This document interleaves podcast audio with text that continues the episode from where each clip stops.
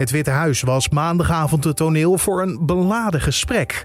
De Amerikaanse president Donald Trump en zijn vicepresident Mike Pence spraken elkaar voor het eerst sinds de bestorming van het Capitool. De afgelopen dagen heerste er spanning tussen het tweetal, omdat Pence niet wilde meewerken aan plannen van de president.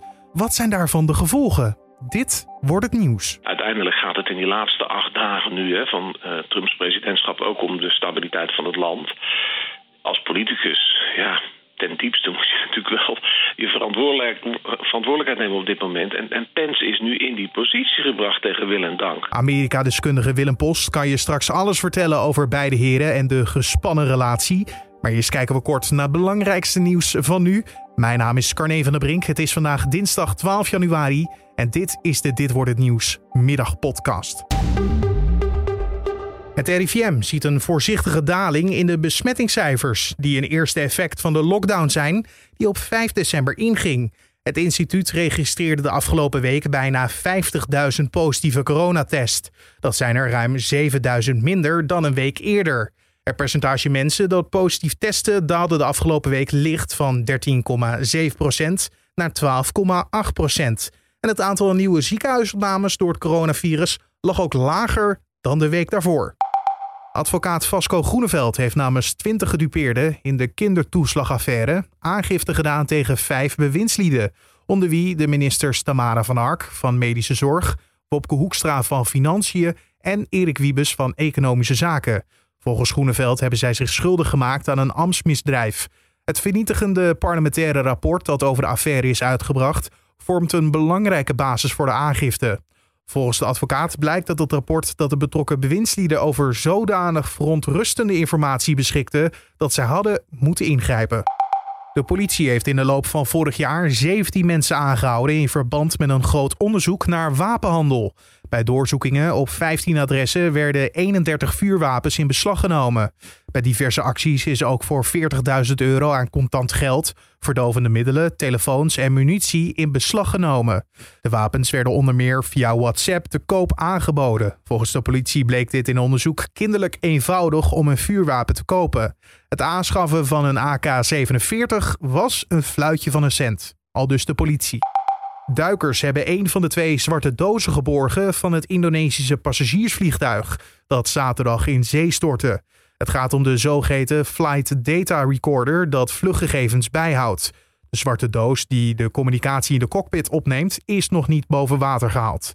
Zaterdag verdween de Boeing 737-500 vier minuten na opstijgen van de radar. Brokstukken van het vliegtuig met 62 inzittenden werden voor de kust van Java aangetroffen. Onderzoekers zijn afhankelijk van de zwarte dozen om de oorzaak van de crash te achterhalen. Het zou een goed gesprek zijn geweest tussen Donald Trump en Mike Pence. De president en vicepresident spraken elkaar maandagavond in het Witte Huis over ja, de roerige afgelopen paar dagen.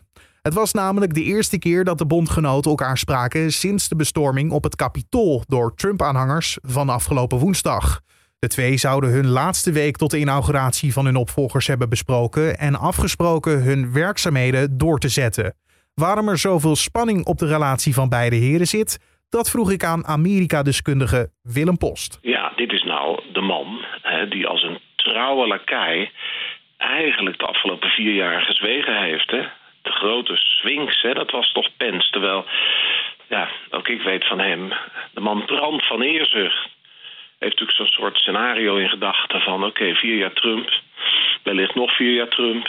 en dan kom ik hè, als vicepresident die nou ja, dan de Trump gesteund heeft. Ja, en dat is allemaal nu natuurlijk eh, voor de bus gegooid. En letterlijk heeft eh, Trump hem natuurlijk laten vallen. Want hij had de verkiezingsuitslag niet moeten accepteren... en in het congres op het allerlaatste moment... ja, een soort zelfkoep namens Trump moeten plegen... door te zeggen van klopt allemaal niet. nee. Trump is onze nieuwe president.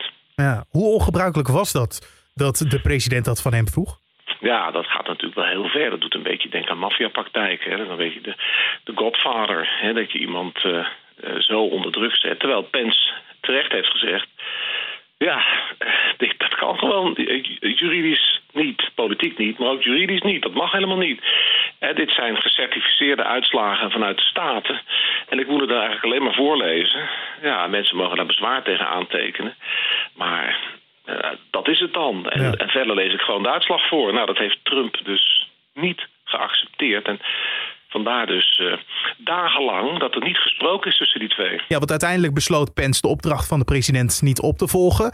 Ja, was dat dan echt een bewuste keuze omdat hij wist dat het echt niet kon? Of was het ook een soort statement naar de president? Ja, Pence is politicus genoeg om te beseffen dat dit inderdaad ook gewoon niet kon. Hè? Maar er speelt natuurlijk altijd nog wel even wat anders mee. Uh, Pence kijkt ook naar de toekomst. Ja, en, en weet dus dat als hij hierin mee was gegaan met Trump, ja, dat dan zijn kansen om de wat meer gematigde kiezers over vier of over acht jaar te bereiken, ja, dat die wel zo'n beetje tot het nulpunt gereduceerd zouden zijn. Dus zijn statuur uh, is in zekere zin natuurlijk wel gestegen bij de traditionele achterban van de Republikeinen. Ja, natuurlijk niet bij binnenlandse terroristen en andere hele extreme organisaties. En dat tegendraadse geluid van Pence, dat, dat viel niet erg goed bij de Trump-aanhangers, hè? Ja, we hebben natuurlijk vorige week die vreselijke beelden gezien. En ze worden voortdurend herhaald en we krijgen ook nieuwe beelden. De autoriteiten, de veiligheidsautoriteiten, geven nu al aan. Ja, de bedoeling was dus echt om Nancy Pelosi te arresteren en te vermoorden. Maar er zijn ook spullen voor een, een, een gal naar binnen gesleept. En dat was de bedoeling om uh, ja, uh, op te hangen. Hè, om ze te executeren, deze twee leiders. En wellicht ook nog wel Mitch McConnell. Hè, ook zo'n republikein die Trump op het allerlaatste moment in de steek liet. Hè. En ja, zeggen ook de, uh, de nou ja, de, de, social media platforms hè, die, die we nog kunnen raadplegen. Uh, ja, op, uh, en van dit soort extreme figuren. Uh, het is verraad geweest mm -hmm. tegen onze president. En op verraad staat maar één straf. De doodstraf. En die gaan wij uitvoeren. Dus ja, zo extreem is het dus wel geweest. Maar kan je dan nog samenwerken met een man die je leven zo erg op het spel heeft gezet? Ja, het punt is natuurlijk dat alle ogen natuurlijk op op, op Pence gericht zijn. Uiteindelijk gaat het in die laatste acht dagen nu hè, van uh, Trumps presidentschap ook om de stabiliteit van het land. Als politicus, ja, ten diepste moet je natuurlijk wel je verantwoordelijk, verantwoordelijkheid nemen op dit moment. En, en Pence is nu in die positie gebracht tegen wil en dank. Uh, hij uh, moet de figuur zijn om Trump dan toch een beetje te kalmeren. Nou, ik begrijp dat ze gisteravond een uur lang met elkaar gesproken hebben, bijna ja, een beetje obligaat. Het was een goed gesprek. Hè, maar in ieder geval zijn, zijn de allerergste emoties, in ieder geval voor de buitenwereld eh, zichtbaar dan, die zijn wat getemperd. Maar ja, hier zijn diepe wonden geslagen natuurlijk. En ja. Pence moet het nog een dag of acht uithouden met Trump. Ja, want de Democraten hebben nu uh, de vicepresident en het kabinet opgeroepen om Trump toch nog buitenspel te zetten in deze ja, laatste dagen. Hoe, hoe willen ze dat precies gaan doen? Ja, vandaag wordt eens gestemd door de Democraten in het Huis van Afgevaardigden, door Nancy Pelosi en co. Geïnitieerd om de Republikeinen, met name Mike Pence, nog één keer, zeg maar 24 uur de kans te geven om het 25e amendement uh, te implementeren. Dat zou betekenen dat de helft plus één van het kabinet, inclusief Pence, dan zegt van Trump is niet uh, in staat om het presidentschap uit, uh, uit te oefenen, dus moet hij aftreden. Hè? En dat dwingen wij hem toe. Nou, Pence heeft al laten weten dat hij daar niks voor voelt. Daar krijgt hij ook geen meerderheid voor bij de Republikeinen. Dus nou ja, die 24 uur, daar weten we de, de, afloop van. En dat betekent dat morgen de Democraten zullen concluderen: oké, je doet niet wat wij van je vragen in deze bijzondere omstandigheden. Dan gaan we over tot een impeachment. En dat is dus een afzettingsprocedure. En die zal het in het huis wel halen, want het wordt een soort speed impeachment, een turbo impeachment. Mm -hmm. Waar je normaal gesproken vele weken voor hebt. He, dat, dat gaat er dan eigenlijk in een dag doorheen. En dan uh, worden de artikelen van impeachment, het is eigenlijk één groot artikel. Hè. Uh, Trump heeft uh, opgeroepen tot een, een opstand. Hè. met die hele revolte in het congres. dan wordt er aangenomen. Maar ja, dan ben je er nog niet, want dan vervolgens moet het naar de Senaat. Uh, daar moet je een tweederde meerderheid hebben. Mm -hmm. Ja, dat hebben de Democraten niet. En het ziet er ook niet naar uit dat ze die krijgen. Ja.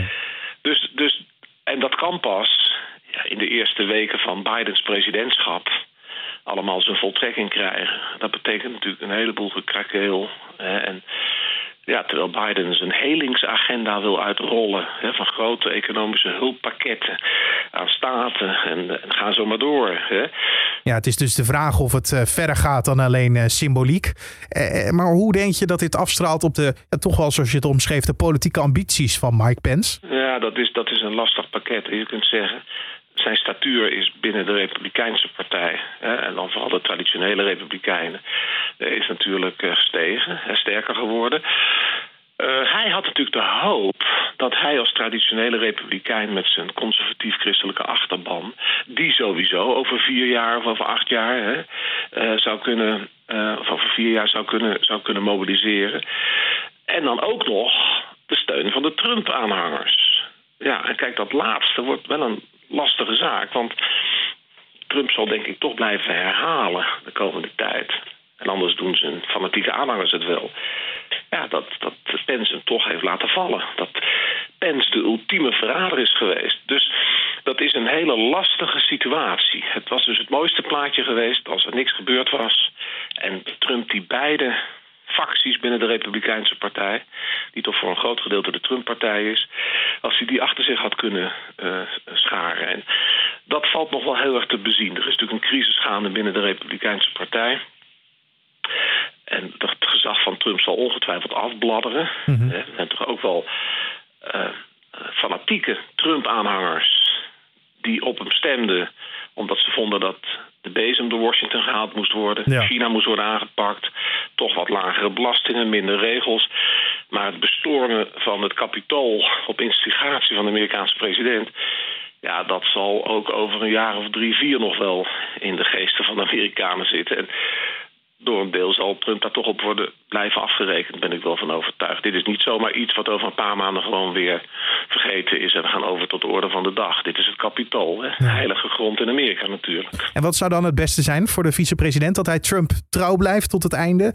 Of dat hij hem toch uh, uiteindelijk de rug zal toekeren? Ja, in dat gesprek, voor wat er nu doorcijpelt... Uh, zouden Pence en Trump het ook gehad hebben over de prestaties die ze de afgelopen vier jaar hebben uh, geleverd. Nou ja, ik noem al even een paar voorbeelden op waar ze dan mee komen. Dus het is natuurlijk de vraag hoe Trump zich blijft gedragen.